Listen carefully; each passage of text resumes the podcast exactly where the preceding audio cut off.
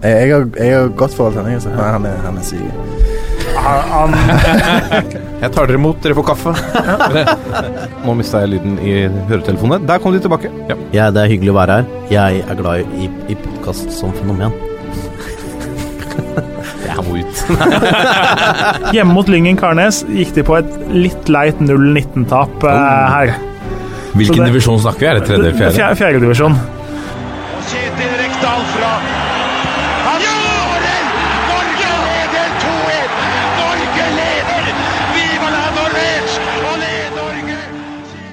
Og der er eh, toppfotball tilbake igjen, denne gangen ute på eh, veien. Ikke så langt, men et lite stykke opp i gata. Jeg sitter i eh, VG-huset hvor jeg har gleden og æren av å møte den tidligere Tidligere fotballspilleren eh, i henholdsvis eh, Vestnes, eh, Tomrefjord, eh, Treff, Molde, Vålerenga, AIK, Start, eh, Stabæk. Nå er han, i likhet med Per Sandberg og Sylvi Listhaug, ute med en bok.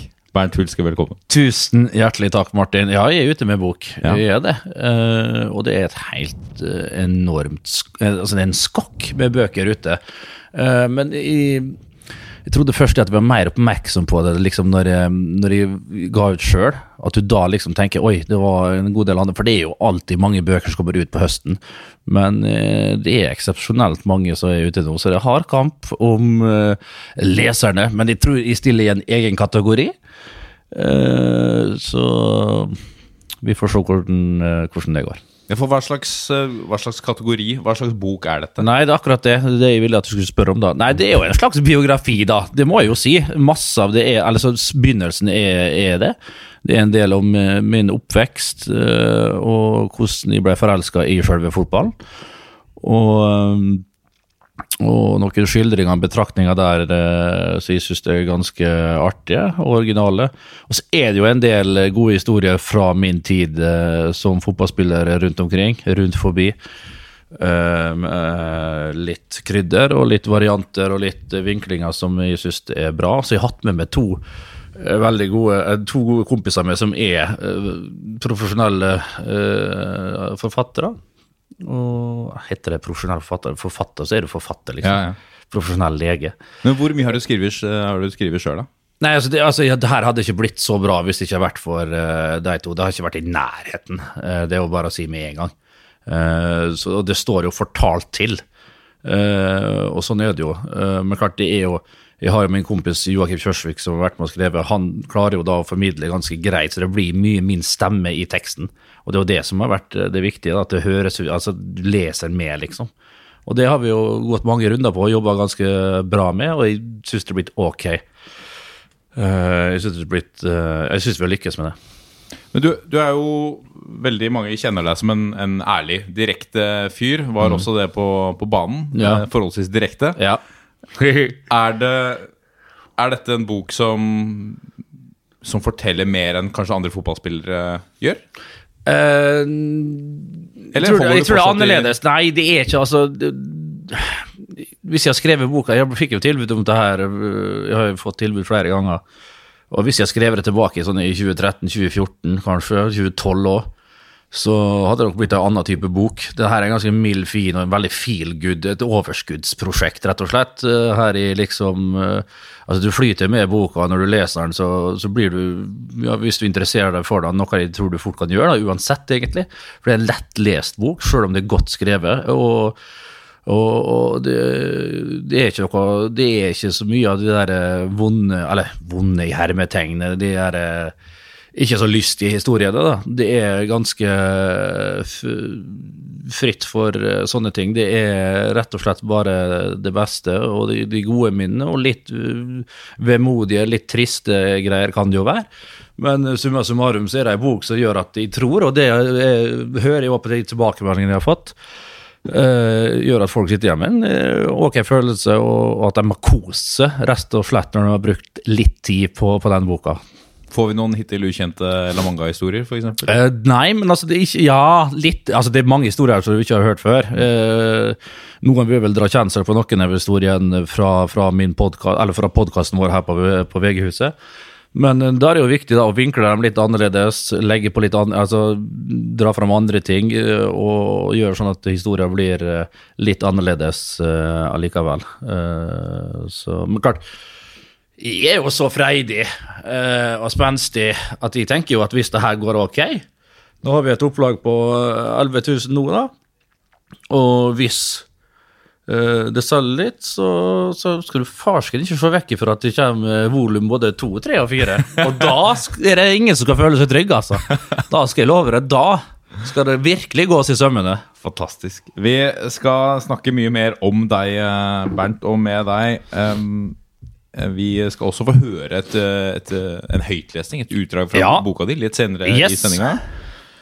Så må vi også eh, helt til slutt der snakke litt selvfølgelig om Eliteserien og, og den kommende spennende runden og, og hva som berører seg i topp og bunn. Men nå skal vi ha rundens øyeblikk. Dette er toppfotball. Da er vi kommet til rundens øyeblikk, og tør jeg ane uh, hvor vi skal uh, nå, Bernt? Altså Ja, vi snakket, vi må, skal vi være ærlige her og Ja. si at vi snakka litt om det i forkant av sendinga, Martin. Og da uh, havna vi jo kjapt på på det samme. Mm. Det er iallfall samme kamp. Og så er det da hvilken av de to skåringene Det var jo flere. Raffen sitter bra, og for så vidt, men det er Matthew og Løkberg som står sju ut. Eh, Det er liksom det at det er feil bein til Kristoffer Løkberg. Han vrir den i motsatt vinkel der. Og det tekniske utførelsen der men Matthew vet vi har en bra fot, har skutt masse. Jeg vet ikke hvordan uh, Raytion, Raytion hans er egentlig, men han skyter jækla mye. Og det er litt sånn Det er fantastisk uh, greie, men litt, ikke sånn lucky punch, det er ikke det jeg sier. Men med Løkberg så er det liksom Det er dit han vil. Altså, hele bevegelsen hans, pendelen hans på foten, eh, vridninga, sidestillinga av overkropp, alt er så perfekt gjort av Kristoffer der. Og, og måten han vrir den på Jeg, jeg var oppe og besøkte Ranheim nå i Christian Gauseth for, for noen uker tilbake. Og Da ser du liksom Kristoffer Løkberg. Han, han, liksom, han hele fysikken altså, han er skapt som en fotballspiller. Ikke så høy. Du, liksom, du, vet, du ser jo han på TV, så han er ikke så høy, men så er han liksom enda mindre, føler du, når du, er, når du møter han live. da. Men uh, når du så han bare i bokseren der, han liksom har så her perfekt uh, leggende lårmuskulatur, overkropp og alt. Han er liksom skapt som en fotballspiller. Han og Mats Reginiussen er akkurat det samme. En enorm fysikk, da. Eh, så jeg er blitt ganske fortjust i disse to karene der. Eh, nå snakker jeg litt forbi det vi skulle snakke om her, da. Det er jo litt typisk meg. Men, men, eh, men Løkbergen der, og det målet uh, Mye, mye bra. Det blir mitt rundens øyeblikk. Og det er jo litt, Jeg husker helt i starten av sesongen, da eh, Kristoffer Løper skåra vel i en av de første rundene også, tror jeg. Ja, Hvor- ja han gjorde jo det. Michael Carlsen eh, kommenterte at det var helt eh, merkelig å se, for Kristoffer Løkberg er ikke noen målskårer. Nei, men det har han jo utvikla seg til å bli. Ja, Det har han virkelig blitt, altså. Og er jo sånn som vi sier her, han er rimelig tobeint. Kommer jo mye inn i boks, har jo lure, løp. Og det er jo en av oppgavene hans òg, som, eh, som løper, å komme seg inn der og avslutte. Så det skulle, med den måten han spiller på, og med den suksessen de har, og med så mye mål de har skåra, sluppet inn veldig mye mål. Jeg vet ikke om hvordan målforskjell, jeg tror den ligger på ganske rundt null, altså. Jeg tror kanskje de faktisk er på så De er på mi minus tre. Ja, det er på minus tre, sant? Det er jo helt sjukt. På femteplass. Ja, det er jo helt vilt. Men det er fantastisk. Det er litt sånn Ullkisa i ja, Obos-ligaen. Ja, ikke sant? Eh, ja, å herregud, skal vi begynne å snakke Obos? Da er det jo hei, da er det mye å snakke om når det, gjelder målforskjeller. Altså. Der, eh, enten så ligger du i bunn, eller så ligger du i topp. Og så kan det du gå opp og ned der i løpet av en hel sesong. Det er, det er en spinnvill liga. Den ligaen liker jeg veldig godt òg. Ja. Og er veldig spennende å følge med nå. Herregud. Eh, kanskje vi kan snakke om det litt seinere. Men eh, tilbake til Ranheim og alt det der. Og så Svein Målen, da. Altså For meg, jeg ser flere hiver seg på det toget nå. Eh, men klart, han må jo være en av eh, ja, altså Når det skal kåres eh, trenere, sånn, så må han være helt der oppe. Det er så- hvem andre er som kan gå forbi han? Christian Mikkelsen? Ja, eh, det er jo en veldig god kandidat. Mm. Altså, Allerede nå så har han like mange po- poeng som i fjor. Tatt ytterligere steg. sant? Fort gjort at liksom første sesongen du kommer opp, så liksom eh, så, mm, så, så får du litt eh, slekk, sant? for motstanderen ikke tar det helt seriøst. Men så klarer han liksom å løfte Kristiansund-laget enda mer. Og, så har han vært så smart med innkjøpene sine av spillere og godeste Kristian. Fått inn en Flamur Kastrati som leverer fra, leverer fra dag én. Og når f.eks. Benjamin måtte dra og sånt. Så Christian òg. Jeg syns, når vi skal snakke om eh, Christian Mikkelsen, at det- er litt sånn på repeat nå. Han er blitt litt for good i two shoes. Litt for blid hele tida. Jeg, jeg føler litt, litt sånn tomme ord. Det er ikke så mye han sier lenger. Han går på repeat. Han er blitt fryktelig profesjonell. Det er sånn som Ole Gunnar var liksom i, i starten av sin karriere. Ole Gunnar begynner liksom å vise litt Eller Martin Ødegaard, sånn som han var. Ja, ja. Han har alderen å skylde på, selvfølgelig. Ja, ja, men- ikke sant? Men, men eh, klart øh, Skal ønske at den var litt øh, Kvessa til litt mer, men klart Summa summarum, herregud for en prestasjon Kristian og KBK har gjort. Ja, for det går vel en grense. Jeg snakka med han etter uh, Vålerenga og Kristiansund. Ja. Og da er uh, altså hans eh, Det han fokuserer på, at dette var en bonuskamp. At lille Kristiansund skal reise til store Oslo og få med oss poeng, og attpåtil tre. Dette er bare bonus. Dette, og det er, akkurat, det er akkurat det jeg snakker om, da. Ja. For jeg vet liksom at det er ikke det han sier i garderoba. Jeg vet at det, hvor hard han kan være der. Uh, og da liksom jeg, jeg, så syns mange har sluppet litt opp. Ser ut som Lars Arne Nilsen òg plutselig begynner å snakke. Eh, Trond Henriksen, når du har, hører han i både post og, og prematch, så forteller han liksom hva han tenker. Til og med i pauser, Trond Henriksen spesielt. Så sier han liksom ok, Hvis Gunhild Tollnes for eksempel, Eurosol spør han da hva dere har gjort nå, dere, du tar det og det byttet, så forklarer han rett og slett hva han mener med det byttet. Det er jo så ufarlig. Det gjør produktet mer interessant. Du inkluderer seerne, og, og, og du får en goodwill fra journalistene. Og det, det, det er jo aldri feil. Eh, Så det er noen, jeg ser eh, det er flere som hiver seg litt på den òg, det skal sies. Og blir mer åpen og si hvordan de tenker, for det er jo helt ufarlig å si det. Altså, for vi ser det jo uansett. Så det er jo ikke vits å hemmeligholde sånne taktiske skifter og sånn i løpet av en kamp. Det er bare å melde det. Og ja, helt de ufarlig. den altså, Kall det mediestrategien da, til ja. Mikkelsen. De har vel på en eller annen måte lykkes, og kanskje det var målet også, til å gå litt under radaren. De skal bare jobbe så sakte, men sikkert. Ingen, ingen skandaler, ingen skal skrive noe. Nei. Ingen Jo, kjefting men, sam, ja, men samtidig, nå som de faktisk leveres, så ser de til og med Jeg kjenner jo litt til han, eh, et par karer som jobber her oppe. Eh, og jeg får jo en del mail av og til at eh, ok, nå ble vi sendt veldig seint i sendinga, vi fikk bare en liten oppsummering. Så det er liksom, det går begge veier. Men du, klart, du må levere. Du får som regel som fortjent. Du må by, bjuda litt på, du må ha profiler. Du må spille en type fotball. Ok, Til sjuende og sist er jo det som skjer på banen som skal telle, og det er det som gjelder til syvende og sist. Men eh, det er ikke sånn det fungerer bare. Du må spille utrolig sexy fotball hvis du har eh, null profiler og, og du kanskje ikke byr deg litt på utafor banen. Altså, Da har å du mye oppmerksomhet. Hvis du har kastrati i stallen, så trenger du kanskje ikke Nei, men klart, jo, nei, men samtidig så vet du med Flamur, der må du iallfall dempe han litt. For der er det jo fokus på at du har sju kamper på rad med gule kort. Du har ni totalt. Uh, Hotter ble bytta ut nå sist, ganske tidlig. Jeg har ikke helt fått med meg situasjonen der. Eh, men det er jo en type profil som eh, igjen gjør at Christian blir litt dradd, tenker jeg. da. Og herregud, Flamur, ok, han leverer som pokker, han springer og gjør alt mulig for oss. Men eh, han er, jeg tror han holder litt i tømmene på Flamur der. Flamur som faktisk har prata litt med, og har spurt litt om vink og tips om hvordan han skal kanskje eh, holde hodet litt mer kaldt og sånn. da. Så han er, er bare en god gutt som eh, er sånn ekstremt uh, vinnerinstinkt da, og en sånn veldig høy rettferdighetssats. Uh, og føler fort at han blir litt bortdømt og sånn. Men det er en god gutt som, som leverer bra, og som et skup, et bra og et smart kjøp av Christian og KBK. For å gli litt videre inn på det, kjenner du deg litt igjen i en type som Kastrati? Absolutt. Jeg gjør jo det. Eh, jeg gjør det veldig. Eh, og så vet jeg, altså, Bare snakk om meg, ikke snakk om Flamur så mye, men jeg husker meg sjøl. Liksom, jeg hadde jo ikke helt kontroll på det. Jeg kunne, jeg, men under de 90 minuttene så var jeg som vill hest og sprang utpå der og fekta og veiva både til dommer, medspillere, motspillere. og alt, Jeg gjorde alt i min makt, liksom. Men det var jo litt kompensasjon for ikke alltid kanskje var fysisk bra nok form. Hang ikke helt med kanskje på det taktiske alltid, kanskje ikke fulgte med godt nok der. Jo, men det var sånne ting. Eh, og så øh, Men klart, med en gang kampen var ferdig, så var jeg jo i den første som glemte alt. Jeg la igjen alt på banen, av øh, stort sett, tror jeg, syns jeg å huske, da, ofte iallfall. Og la igjen det på banen, gikk ut i garderoben, så var jeg i ferdig med kampen og alt mulig. Men det er jo ikke alle andre. Alle, altså, det dannes jo bilder. Det, det blir jo, altså, du skal jo gå gjennom kampen, og så sitter du sammen med lagspillerne dine og ser hvordan du Så det var ikke alltid jeg var like stolt over det jeg hadde gjort på banen, selvfølgelig. Men eh, Og det var ikke alltid like lett å stå for det, men eh, sånn var det jo en gang, bare. Men fikk du noen reaksjoner på det? For at hvis de som har sett deg spille, ser den energien og det engasjementet og den altså kanskje kynismen til tider også Ja. Eh, Du kunne alle, alle triksa og knepa. ja. Eh, Var flink til Men å prate for samtidig deg. så brukte de så ofte. Eh, altså, jeg spilte jo alle kortene mine hele veien. Eh, det var ikke eh, og, og, og så fikk jeg jo et rykte etter hvert eh, som ble såpass sterkt at liksom eh, Motspillerne spilte jo på da. Eh, trenerne kunne fokusere på det etter kamp. Jeg husker jo en situasjon med Peter Wernis. jeg fikk faktisk en kamp eh, utestengelse.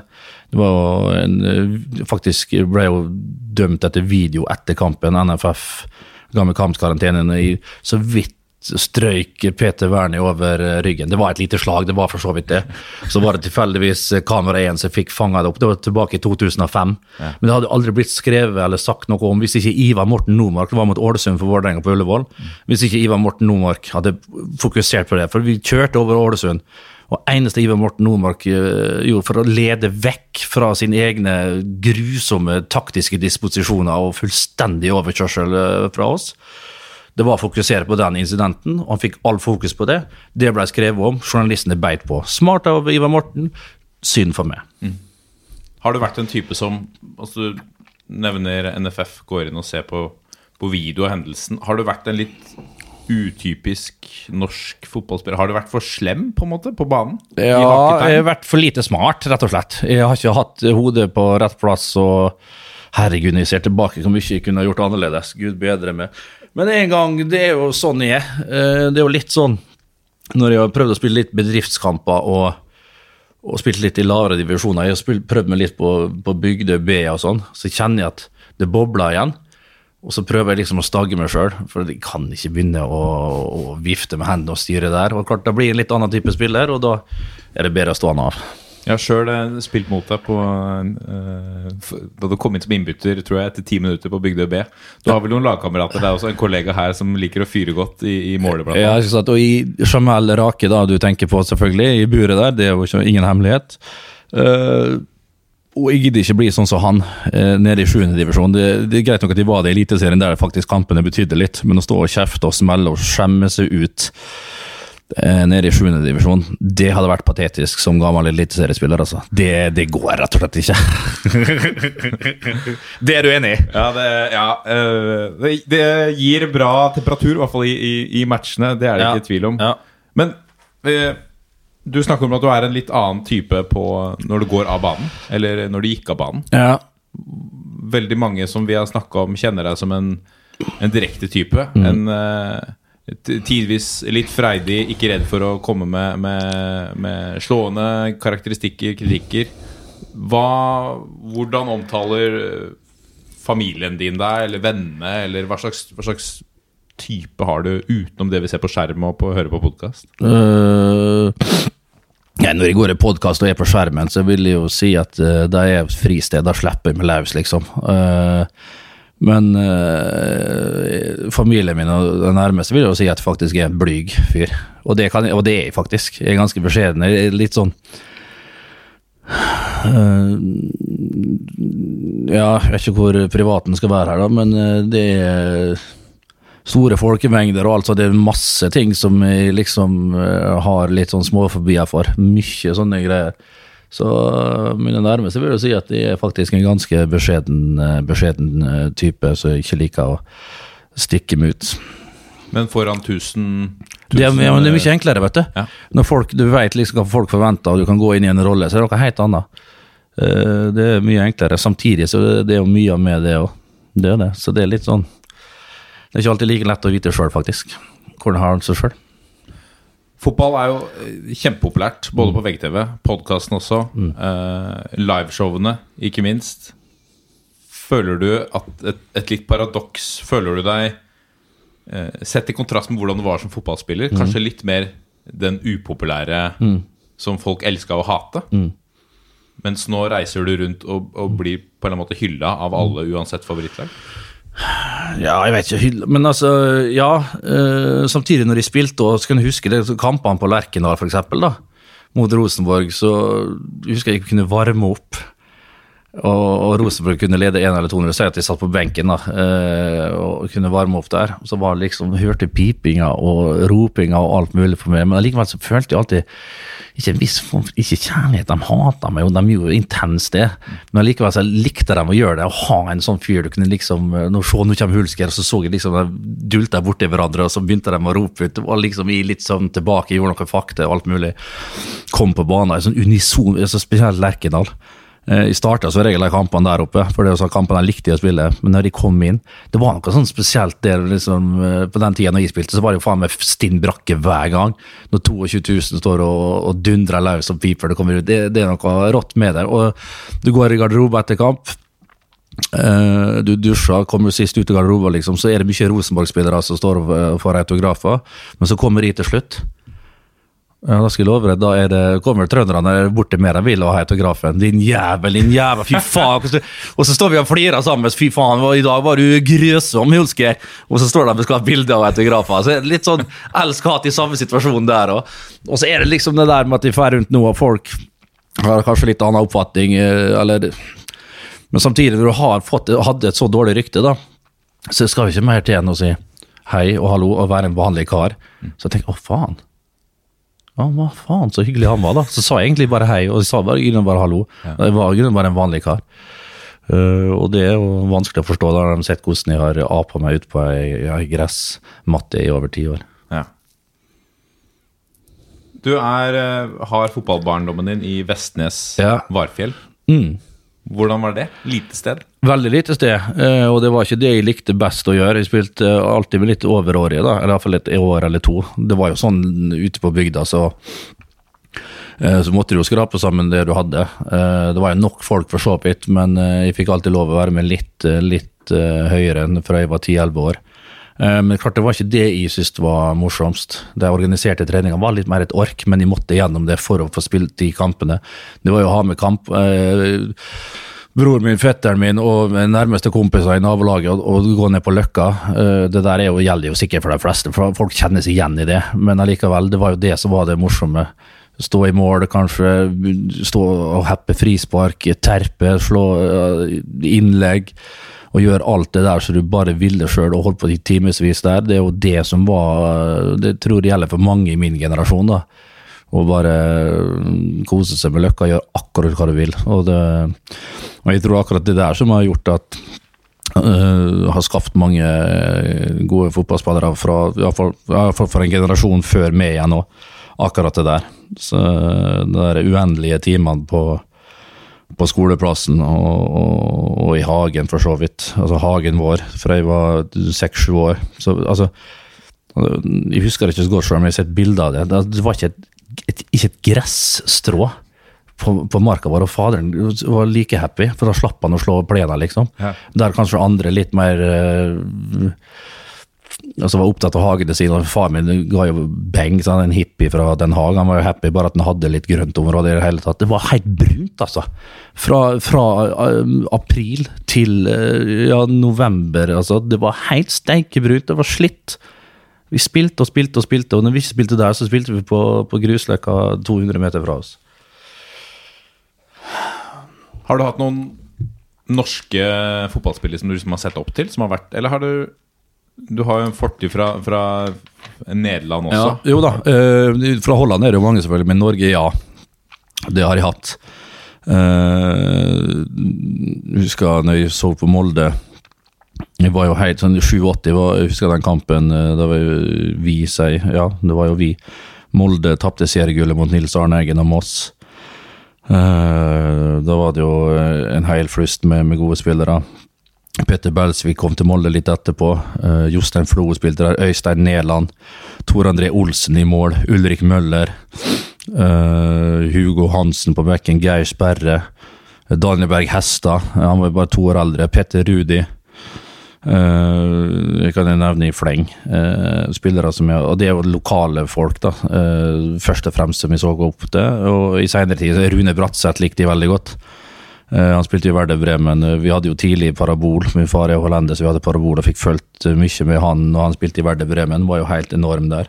Var irritert, det jeg sagt til Rune sjøl, at han aldri tok steget videre. Han trivdes for godt i Werder Bremen når han først flytta fra sitt kjære Trondheim. Jeg ville jo at Han skulle, han hadde jo tilbud fra Serie A, vet du, noe jævel, men han valgte å bli i Og det hadde vært det helt optimale. Jeg vet ikke om det var Roma eller hva det var. Jeg tror både han og Erik Hoftun fikk tilbud fra Roma i sin tid. Eh, men eh, Rune Bratseth var, var, stor, ja. Myggen, naturlig nok. Har vært heldig fått spilt med han. Så det er flust med gode fotballspillere. Øyvind Leonardsen, han spilte i Molde, kom fra Klausenengen og gikk videre til Rosenborg. Da var jeg skuffa. Uh, og det er sikkert mange andre jeg har glemt. Tor André Flo uh, fått spilt med. Det, nei, det, det er mange. Hvem er den beste, da? Hvis du skal trekke ut én som du har spilt med? Åh, det er mm, Godt spørsmål. Uh, uh, Karl Oskar Fjørtoft passa meg utrolig godt å spille sammen med. Uh, han slo noe helt Han skjønte det så godt når vi spilte 4-3-3 under Eirik Brakstad i Molde. Han liksom han traff meg liksom hver gang. Petter Rudi har fantastiske pasninger. Derek Boateng i Sverige. Uh, det var ikke alltid like lett å følge med på hva han gjorde, men, uh, for han spilte jo litt for seg sjøl, samtidig som han påstår sjøl at han var verdens beste lagspiller. Da. Han sto og ropte det i, uh, i garderobene før kan vi med ballen. i er verdens beste lagspiller, skal jeg spille hvor god? Og da var ingen som skjønte hva han gjorde alltid, men han var utrolig råtalent. da. Så surra det litt bort for seg sjøl, selv om han hadde en bra karriere tidlig. Og jo, ja, så Christian Bolanjo selvfølgelig i start var helt enorm. Spilte jo, jeg tror hele karrieren så har han spilt på 60-70% egentlig. Få kamper han har vært øh, oppe og lukta på 90 Eh, Et enormt talent, eh, han jo selvfølgelig. Eh, Jeg så han, jeg har jo sett ham i VM og sånn, og bare sett når han har gått opp i press, og tenker nå kommer han til å komme i undertall, og det er Christian Volanios feil, som skal liksom prøve å foresjekke helt opp i siste eh, tredjedelen til motstanderlaget. Og jau da, og blir spilt forbi, gidder ikke å løpe tilbake, og resten av motstandere, nei, resten av medspillere må liksom prøve å korrigere hans feil, og det husker jeg så godt fra start i her. Men eh, nei, det er mange, så hvis det skal være én Jeg syns det er vanskelig å plukke ut. Jeg syns det er fryktelig vanskelig. Eh, Men du har en børns der, da. Ja. Beste treneren, da? Ja, Beste trener, den som fungerer for meg. Altså Gunnar Bengtsson var jo en diktator. Eh, Jeg var redd han. Jeg hadde frykt, eh, nesten enda mer frykt for hans assistent Kalle Bjørklund. Eh, Der eh, duoen der, det var jo faen meg Mussolini og, og, og Franco liksom sammen som eh, De var helt Frykt. Styrte med jernhånd. Satte folk på diett bare av eget bestbefinnende, eller bare av egne øyemål. Den liksom så på faen, er det ikke litt ekstra over magen her? Uten noe eh, henvisninger, uten noen slags test eller noen ting. Så kunne de sette plutselig folk på diett. Per Olav Winder, jeg husker jeg spilte sammen som i Molde, hadde kanskje litt ekstra over, eh, over bringen. Og da var det rett på sånn der streng, mens vi andre dundra innpå med lasagne og de herligste pastaretter til lunsj. Per Olav måtte på en sånn der knallhard sånn der, sånn der, sånn valnøttsalat-greie. så, altså, det var, var ikke snakk om ei uke, det var sånn i månedsvis. da. Men det rant jo ikke av han, for klart han ble jo så sulten etter greia. Så han sprang jo rett på Nakkenkiosken og kjøpte seg chips med ost og dressing, og det som verre var. Så han la jo bare på seg av hele dietten, egentlig. Den eh, eh, rareste karakteren eller eh, morsomste fotballspilleren du har, eh, du har vært borti? Å, herregud. Det er mange. Derek Boateng må jeg trekke fram igjen, altså. Uh, fy fader, for et uh, jeg spilte med, altså, jeg har vært så heldig å spille med mange afrikanere, og det er liksom utelukkende bare artige, fantastisk sånn der uh, eh, utadvendte, herlige karakterer, altså. Eh, Boateng, Olaf Femi, Ola Dapo i, i start. Helt eh, magisk type. Pamo Du, som jeg kjenner godt, men ikke har spilt sammen med. Sant? En helt nydelig fyr. Uh, og jeg har spilt med noen folk fra Balkan òg, det er helt utrolig. Sergjan Radonovic, uh, Branislav Milesevic i start, begge de to. Uh, Nenad Lukic i AIK. Det, det er mye, mye ikke-skandinaver som har vært uh, utrolig artig, samtidig som jeg har spilt med uh, ja, Knut Lillebakk i Molde, Trond Strande i, i Molde. Uh, typer av karakterer, det òg. det er sikkert noe Jesper Mathisen, en fantastisk karakter, selvfølgelig, i IK Start. Uh, Thomas Holm i, i Vålerenga, som kanskje ikke er helt forventa, men herregud, vi krangla jo som hund og katt en periode. Men utrolig morsom eh, karakter. Så det er Det var sikkert mange glemmer sånn på sparket her, men uh, jeg har vært heldig og vært i garderoben med mange karakterer. altså herregud, de kan ramse opp i fleng, egentlig. Det er, det er jo det som er Ja. Og Da går det igjen på samhold og den garderobekulturen og hvor fantastisk heldig jeg har vært og spilt med så mange eh, artige, kule folk som jeg har lært så mye av både på og utafor banen. da. Hvor mye savner du den eh, Er det fortsatt et savn? Nei, jeg, ja, men det, det er ikke sant. Jeg skjønner at du spør. Ja, det er mange som snakker om så her, den garderobekulturen og, og alt det der. Uh, men uh, jeg har vært litt uh, og reist eh, rundt og, og fått de siste åra i forbindelse med jobb. Og vært i garderoben der og sett litt eh, og alt det der. Jeg, jeg har mer tenkt på når jeg setter meg ned i garderoben Kanskje jeg har vært så heldig for liksom, å få vært med på peptalken før trening og sånn. eh, så ser jeg liksom klikkene og alt sånt som det der. Jeg tror liksom ikke det er like sammensveist Jeg veit ikke. Det er mer gjennomprofesjonelt nå. Det er, det, det, det er kameratslig og alt. Det kan sikkert være Jeg tror det, det er såpass mye folk fra forskjellige plasser. Før så var det jo litt mer lokalt, iallfall litt sånn. Eh, men det første som slår meg når jeg sitter i garderoben, det er det den derre ah, faen, nå skal jeg ut og gjøre ditt og datt. Eh, kanskje det er regn. Kanskje jeg skal ut på en kunstgressbane. Det er november. Altså, de tenker januar, da. Februar, mars. Jeg glemmer aldri det der, eh, jeg gleder meg aldri til ei trening altså, i, de, i de periodene der. Til og med ikke på Le Mans, altså, forferdelige baner, vind. Jeg likte jo aldri spesielt godt å trene, og det er jo, så, det er jo ingen fordel når du skal drive med fysisk aktivitet og det er det som er jobben din. Det var jo eh, Ja, som sagt, det var ikke noe fordel det å ikke være glad i å løpe. Så har du da på en måte blitt god ren, på ren passion og spilleglede? passion og spilleglede. Ja, jeg skulle vel ha hatt mer av de to tingene òg. Men i starten av karrieren altså det, jeg, det jeg sier da ofte, det at jeg skulle hatt utfordringer hele veien. Uh, og det var synd liksom, at jeg ikke fikk mulighet til å løfte ta karrieren min litt opp når jeg var på mitt beste rundt årtusenskiftet. At jeg ikke hadde bedre folk rundt meg som bare skjønte hvordan jeg var som type og, og som spiller og alt det der. Og, men klart til sjuende og sist er det det jeg presterer på en fotballbane som, som gjelder. Og der òg var det når beiler, Det kom jo litt beilere etter hvert. Men så så det vel ikke en sånn consistency eller sånn der eh, kontinuitet nok i prestasjonene mine som gjorde at de helt turte å satse på det. Og det skjønner jeg jo sånn når jeg ser tilbake på det. Men uh, jeg tror det var det, at de måtte konstant ha litt mål og, ha litt av frykten. Faen, nå skal jeg opp et nivå, nå skal jeg opp et nivå.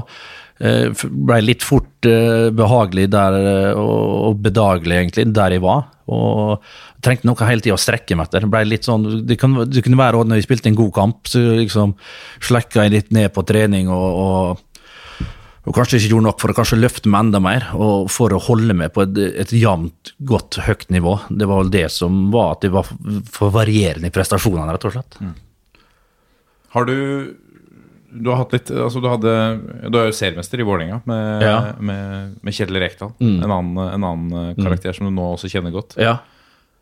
Har eh, måten du er på personligheten din eh, Du er en, eh, en sterk personlighet. Mm. Har det gått gærent med noen trenere? Nei, fordi litt Uh, Når du sier at de tør å være så direkte og sånn, og når du, når du hører det, så kan det jo nok være det, men de har litt sånn autoritets... Eller hatt litt sånn problem med autoriteter. Uh, og samtidig så de faktisk er litt konfliktsky når det, når det kommer til stykket. Uh, kan faktisk, eh, i Tidlig, iallfall ikke nå lenger, da, men eh, og, og tok nok ikke kampen og alt sånt der. Så jeg, hvis jeg først ble irettesatt liksom, i etterkant av en trening, etter og sånn, så lot jeg det bare skure gå. Eh, så jeg tok aldri noen sånne skikkelige konflikter. Hadde vel kanskje et par et par stykker. Hadde vel litt disputter her og der, men jeg veik alltid unna. Og, og det var kanskje i, kraft av at kanskje ikke alltid hadde en så god sak. Har du noen eh, spillere, spillere som du, du hata å møte på banen? Ja, og det var pga. at de var gode og knallharde. Eh, det var mange Erik Hoftun hadde jo ok tak på, eh, og han syntes det var artig å spille mot.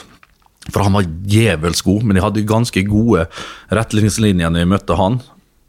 Det var liksom, for Han likte jo å ta opp ball i ledd sant? og føre med seg kula. Det var bare å stå på han.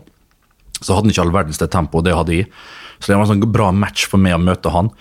Men uh, som andre ord, han hater ikke å spille mot. Jeg skjønner ikke hvorfor vi begynner med der, da. Men uansett, sånn som Torgeir Bjarma, for eksempel. eh, som ble sett på som en uh, elegant dandy med langt hår. Men klart, mannen hadde jo fått stålplate over ene tinningen og gikk jo i alt som var i dueller. Prøvde du liksom litt der å stå litt på han, sånn tidlig karriere husker jeg spesielt, når han Torgeir spilte så jo ikke, hadde ikke så mange kiloene å bære på heller. Når han kom da med sine 2,93 og dundra inn i altså, fy faen, det var mange ganger jeg følte seg ble kjørt av en buss. Han var, hei, ja, han var, han var grusom, og så var det gjerne en kommentar i etterkant når jeg lå liksom med, med grevet 20 cm ned i gressmøtta. Han var, øh, han var knallhard. Brede Hangeland husker jeg i Viking. Var, og han var jo elegant igjen. Han bare sto i veien for det. og og var jo svær og høy og en enorm rekkevidde. Eh, så det var en bra spiller. Og så ellers eh, ja, Jeg husker Fredrik Kjølner en gang. Jeg skulle markere han to ganger på når jeg spilte for Start mot Sandefjord. Og Jeg hadde jo som oppgave som beste hodespiller i Start å ta vare på han. han bare, jeg husker han bare holder meg så vidt oppå skuldra. Så kommer han med sine 105 og bare! Jeg husker lyden ennå. To cornerer på rad. Vi leda 1-0. og så Det var jeg vel eh, faktisk spilt i Obos, tror jeg. Ja, Dekko som det het den gangen. Bare husker den lyden. altså det, det, det kommer aldri til å glemme. Bare handa så vidt oppå skuldra mi, og da visste jeg at her kommer vi ikke løs. Og så bare kommer hele det der enorme mannen og den lyden. Hadde jeg bang en, og så var det akkurat det samme corneren etterpå. Tapte vi 2-1. Eh, vi har fått litt uh, lyttespørsmål. Jeg må ta med, ta med noen av de. Ja. Benjamin Sears lurer på Det var, har jo vært litt innom hvilken spiller i Eliteserien nå er mest lik den Bernt Hulsker som spilte i Tippeligaen. Uh, godt spørsmål. Uh, I norsk fotball nå så er det vel øh, Ja, vi var jo inne på det litt innledningsvis med, med Flamur. Det jo, går jo litt på med, med temperament, altså, men han er jo en bakromsspiller i tillegg. Eh, lukta mål og alt det der. Jeg vet ikke hvor mye jeg lukta mål alltid. Egentlig så var jo en midtbanespiller og, og en wingspiller, men eh, Farsk, jeg vet ikke om det er så mange som er så fryktelig lik meg, egentlig. Eh, Uh, akkurat i dag de ble, har ikke et godt svar på det gode spørsmålet, egentlig. Eh, men kanskje jeg var inne på det likevel her eh, i begynnelsen. Med Castellati. Mm. Per Hege Alsen eh, lurer på hvem hadde vunnet i en nevekamp av Bernt og TOT i Solid Base. Den eh, kampen har jo blitt utspilt. Den har jo blitt spilt. Eh, Det var jo ikke helt nevekamp. Eh, Det var jo fra Solid Base, det her fantastiske popduoen fra Sverige slash eh, Norge fra 90-tallet med Mirror Mirror On The Wall og flere gode andre hits. De kom jo ens ærend for å spille konsert på Ørskogfjell hotell i Vestnes kommune, midt oppå fjellvidda der mellom Sunnmøre og Romsdalen. Og det var et efterspill, eller nachspiel, som det heter på godt norsk, der vi barker sammen som de to alfahannene vi var, og det var vel Tommy. Eh, eller var det Tommy? Var det Tommy det, sto? Tio, Tio heter han selvfølgelig. Eh, fantastisk rapper. En ordkunstner av rang, Tio. Eh, han gikk vel seirende ut den gangen, men da var jeg ikke mer enn 19-20 år, tror jeg. Han var vel godt ja, nærmere 30. Eh, så, men, men i dag, Tio, hvis du hører på her nå, så vet du kanskje ikke hvor jeg bor, hen, men jeg skal finne ut hvor du bor, hen, og den kampen Det blir en rematch, for å si det sånn. Truls eh, Buttingsrud lurer på Han mener å huske en reportasje på Sportsrevyen der, eh, der Bernt Hulsker løp opp kapp med en travhest. Det er helt riktig. Stemmer dette? Ja, ja, ja, det der er 100% korrekt, og det er bra husk, Truls. Eh, Det var eh, den gode Møre og Romsdal-korrespondenten eh, fra NRK, Ove Lervik, som da dekte Molde fotballklubb tett i den perioden, som, som da fikk meg ut på, på Mauset gård og skulle springe mot Stjarnar fra, fra Island, en islandshest, der vi ble satt opp mot hverandre og skulle springe Det var faktisk nedoverbakke, og jeg slo Stjarnar, men han jo i, løper jo i tølt mens jeg var i full eh, galopp. Uh, uh, men det ikke Ove visste, og det jeg glemte egentlig, det var jo det at jeg hadde Jeg har jo fremdeles en, en Jeg er jo sterkt plaga av allergi, kan være. Uh, kan være. Jeg er allergiplaga. Og, og jeg blir jo fryktelig Får jo elveblest av hest. Så jeg måtte jo, husker jeg, jeg måtte jo øh, stå over et par treninger i etterkant øh, av dette besøket på Stall Mauset, der jeg sprang mot den islandshesten. da. Men vant, ja, det gjorde jeg, Truls. Dette er toppfotball. Som vi gjør med eh, veldig mange som vi eh, inviterer med i denne podkasten, bedt deg om å sette opp din uh, fire norske fotballstjerners middag. Ja, Har du vært med i originalen på, på, på Det har jeg. Eh, Det var jo en seks-sju år siden. Jeg tror i 2011 jeg jeg var med. Jeg ble uh, vurdere å slenge meg på en runde til nå etter hvert. Eh, Da var jeg ikke så god til å lage mat. Jeg fikk en kompis til å lage mat. Eh, Men jeg serverte godt drikke, det kan jeg vel eh, huske og erindre. Men jeg skal hive meg på den runden hvis de skal ha flere sesonger. Jeg ble jo spurt her for et par år siden, men da takka jeg nei. Og da ville jeg hatt med følgende folk. Kjetil André det ville vært naturlig. Han har vært med, han òg. Men det har vært artig å ha vært sammen med han og liksom bivåne at han lager mat. Det har vært helt magisk. Det er ikke alle forunt. Eh, Da skulle vi ville hatt med Erik Mykland, eh, for å ha sett han i en sånn setting. Det tror jeg ikke han hadde likt i det hele tatt. Det hadde vært eh, utrolig artig å sett. Og så oppå der gode gamle Kjetil Siem, da, eh, for å rett og slett røske tak i alle tre og få de virkelig gode historiene eh, på bordet. Han har jo gode historier både fra I, Kjetil og Erik gjennom et eh, langt liv i fotballen. Så den kvartetten der, at ikke vi har blitt spurt, at ikke pengene er blitt lagt på bordet for å få det gjennomført, det er forbi min fatteevne.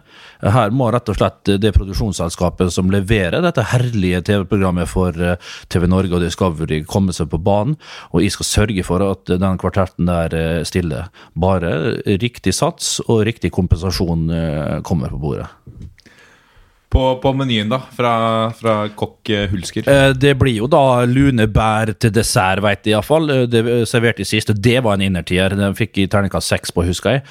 Eh, Jeg går vekk fra fisken og rett og slett eh, kjører et eh, godt parti med spareribs med en herlig amerikansk eh, South State sauce. Med de litt uh, gode eh, Ja, det må jo bli brandy eh, Ikke Jack Daniels, det blir for Fridays, altså. Og det går ikke. Men en skikkelig god eh, barbecue-sauce der på ribsa der. Litt sweet potato mash og litt sånn. Forrett Ja, hva det skulle ha vært? Det skulle kunne ha vært Uh, noe japansk inspirert, kanskje. Noe Ja, det, det bryter jo fullstendig. Ja, men jeg liker å bryte litt. Eh, litt sashimi, da, før uh, spareribsen der.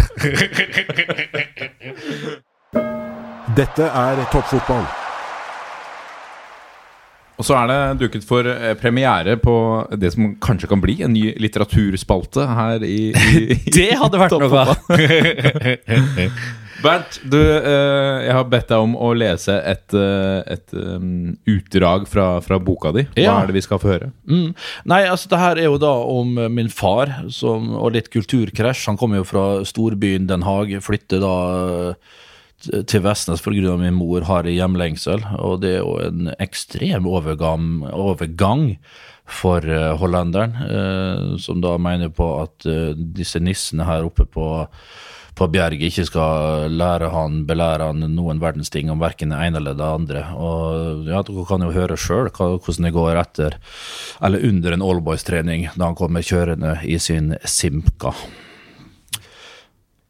Faderen er en sosial kar. Det tok ikke mange uker før jeg kunne være med ham ned på feltet på Vestnes idrettsbane for å se ham, med faderens ord, briljere på Allboys-treningen. På den tiden var Helge Brandshaug den gamle lensmannen i spilletroppen for eh, Kulemagene. Faderen lukeparkerte alltid med en presis brekkslag, sladd, slik at den gamle politimannen hadde utsyn til skiltene på bilen. Det fantes jo grenser for hvor lenge man kan kjøre rundt med nederlandske skilter. Det hadde lensmannen tatt, latt ham få høre ved forrige trening. Her måtte det omregistreres. Dette var faderen fullstendig klar over, det var ikke det. Nå var de nederlandske skiltene omsider byttet ut, til fordel for norske. Alt i orden. På skiltene, på skiltene sto det riktignok et UR5000 registreringsnummer, men det skal, som det skal være oppe i Moldetraktene. Problemet var at fader hadde laget skiltene selv, i kryssfiner og svartmaling. Riktignok var lensmann Brandtzæg til stede på fotballbanen i kraft av å være spiller, ikke som offentlig tjenestemann, men vi fikk da for pokker være grense for frekkhet. Han ga faderen en streng anbefaling om å la bilen taues til Biltilsynet umiddelbart. Han måtte skaffe seg nei, forskriftsmessige norske skilter. Dette synes derimot faren min var fullstendig urimelig. Hva faen er galt med disse skiltene? Bilen går jo like godt for det. Alle gjør det på den måten her i Holland, din nisse. Fader nekta. Han kjørte med sløydsyltene i to-tre måneder til. Da var det nok for lensmann Brandtzæg. Han gikk til anmeldelse. Moderen måtte bli med til Molde og Romsdal tingrett som tolk. Dommeren fant fram et fat med såpevann, vasket sine hender som Pontus Pilatus erklærte seg nøytral i skyldspørsmålet. Ekteparet Hulske knis, kniste som rampete tenåringer hele veien fra de forlot rettslokalet og på fergeturen over fjorden hjem etter frafall av skyld. Om dette jeg nå skal beskrive virkelig hendte, det vet jeg det gjorde, eller om det var fantasien som spiller med noen få pus, vet jeg ikke, men jeg syns å huske utfallet på hele farsen slik. Under en røykepause på en overballstrening klippet Brandtzæg skiltene av og tok dem med hjem for å fyre i peisen med. Frans frådet av sinne, han hadde fått bekreftet sin mistanke, mistanke om at alt var bedre i Holland. Fantastisk. Jeg vet ikke om han klapper etter et uh, Ja, jeg vet, eller hva? jeg vet ikke sjøl. Godt spørsmål. Ja. Men vi gjør det. Ja. Jeg klapper for meg sjøl. Ja. Det var litt feil, men ja. Dette er toppfotball. Og så skal vi snakke litt om eh, både neste eliteserierunde og hva som står foran oss i avslutningen av, av eh, sesongen. Hadde vi hatt enda bedre tid, så skulle vi surfa gjennom hele Obos-ligaen nå. Men, Ja, ja. Men uh, la oss begynne med, med, med toppen, eh, Bernt. Er, er eh, seriegullet delt ut? Seriegullet er delt ut. Det kom litt seinere i år enn de hadde trodd. Det, det minner meg litt faktisk om Vi, vi snakka om det i 05-sesongen, da Vålerenga og Start begge sleit på, på slutten av sesongen. Det var i grunnen ingen som vant, og til slutt så var det vi som dro, dro det lengste strået. Litt heldige når Stefan Berlin fikk eh, avblåst sin eh, offside-skåring, som mange nede på Sørlandet fremdeles me- mener er onside. Eh, Brann Rosenborg eh, Brann har vært eh, særdeles svake. Rosenborg har fått mye tyn. Ok, Rosenborg som sliter, ja, i Europa, men kan faktisk folkens huske på her ta det double. Eh, nå vant de. Etter at de eh, gikk eh, fantastisk ut av startblokkene på, på Brann stadion. og jeg synes det var en fortjent seier til Rosenborg. Eh, fem poeng på tre kamper. Det, jeg ser ikke at de skal rote vekk det. Eh, det gjør jeg rett og slett ikke. Hva med plassene bak? Uh, Molde nærmer seg Brann nå, på sølv. Ja, det, det er mer interessant, uh, syns de. Brann er litt shaky nå.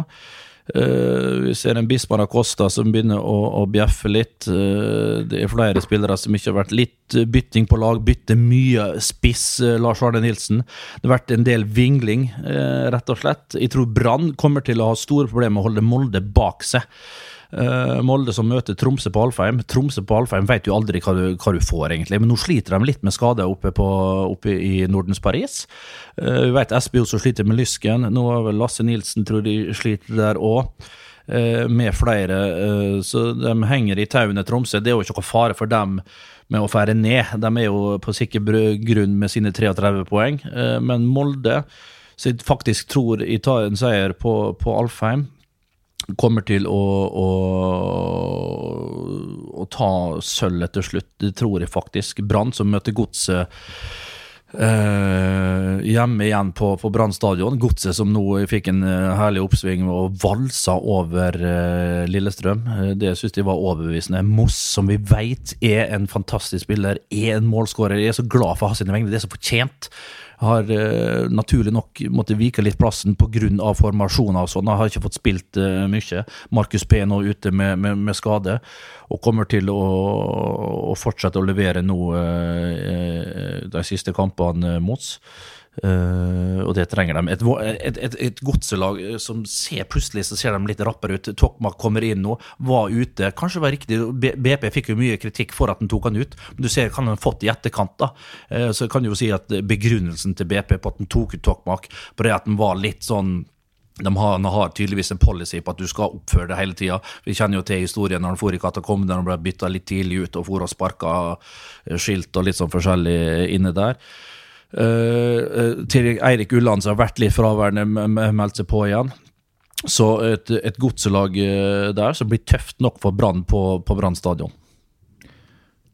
Molde, før vi går videre, det er interessant. Vi snakka litt om det før vi gikk inn her. At, Ja. at hvis de nå klarer en sølvmedalje, så ser det plutselig ut som en, en ganske godkjent sesong for Molde. Og hva skal til for, for at vi kan se det spillet som de leverte mot Rosenborg? Hvis, hvis de klarer å få til det over en hel sesong, så bør det lukte gull i, i Ja, og det har de prata om. Poenget er å erstatte Erling Braut Haaland. Eh, Det er ikke lett, og de må bruke penger. Leke James eh, snakker de om der oppe, skal komme. De har sagt hele tida han trenger å komme. Han har brukt mye tid nå. Han ble jo henta i vår.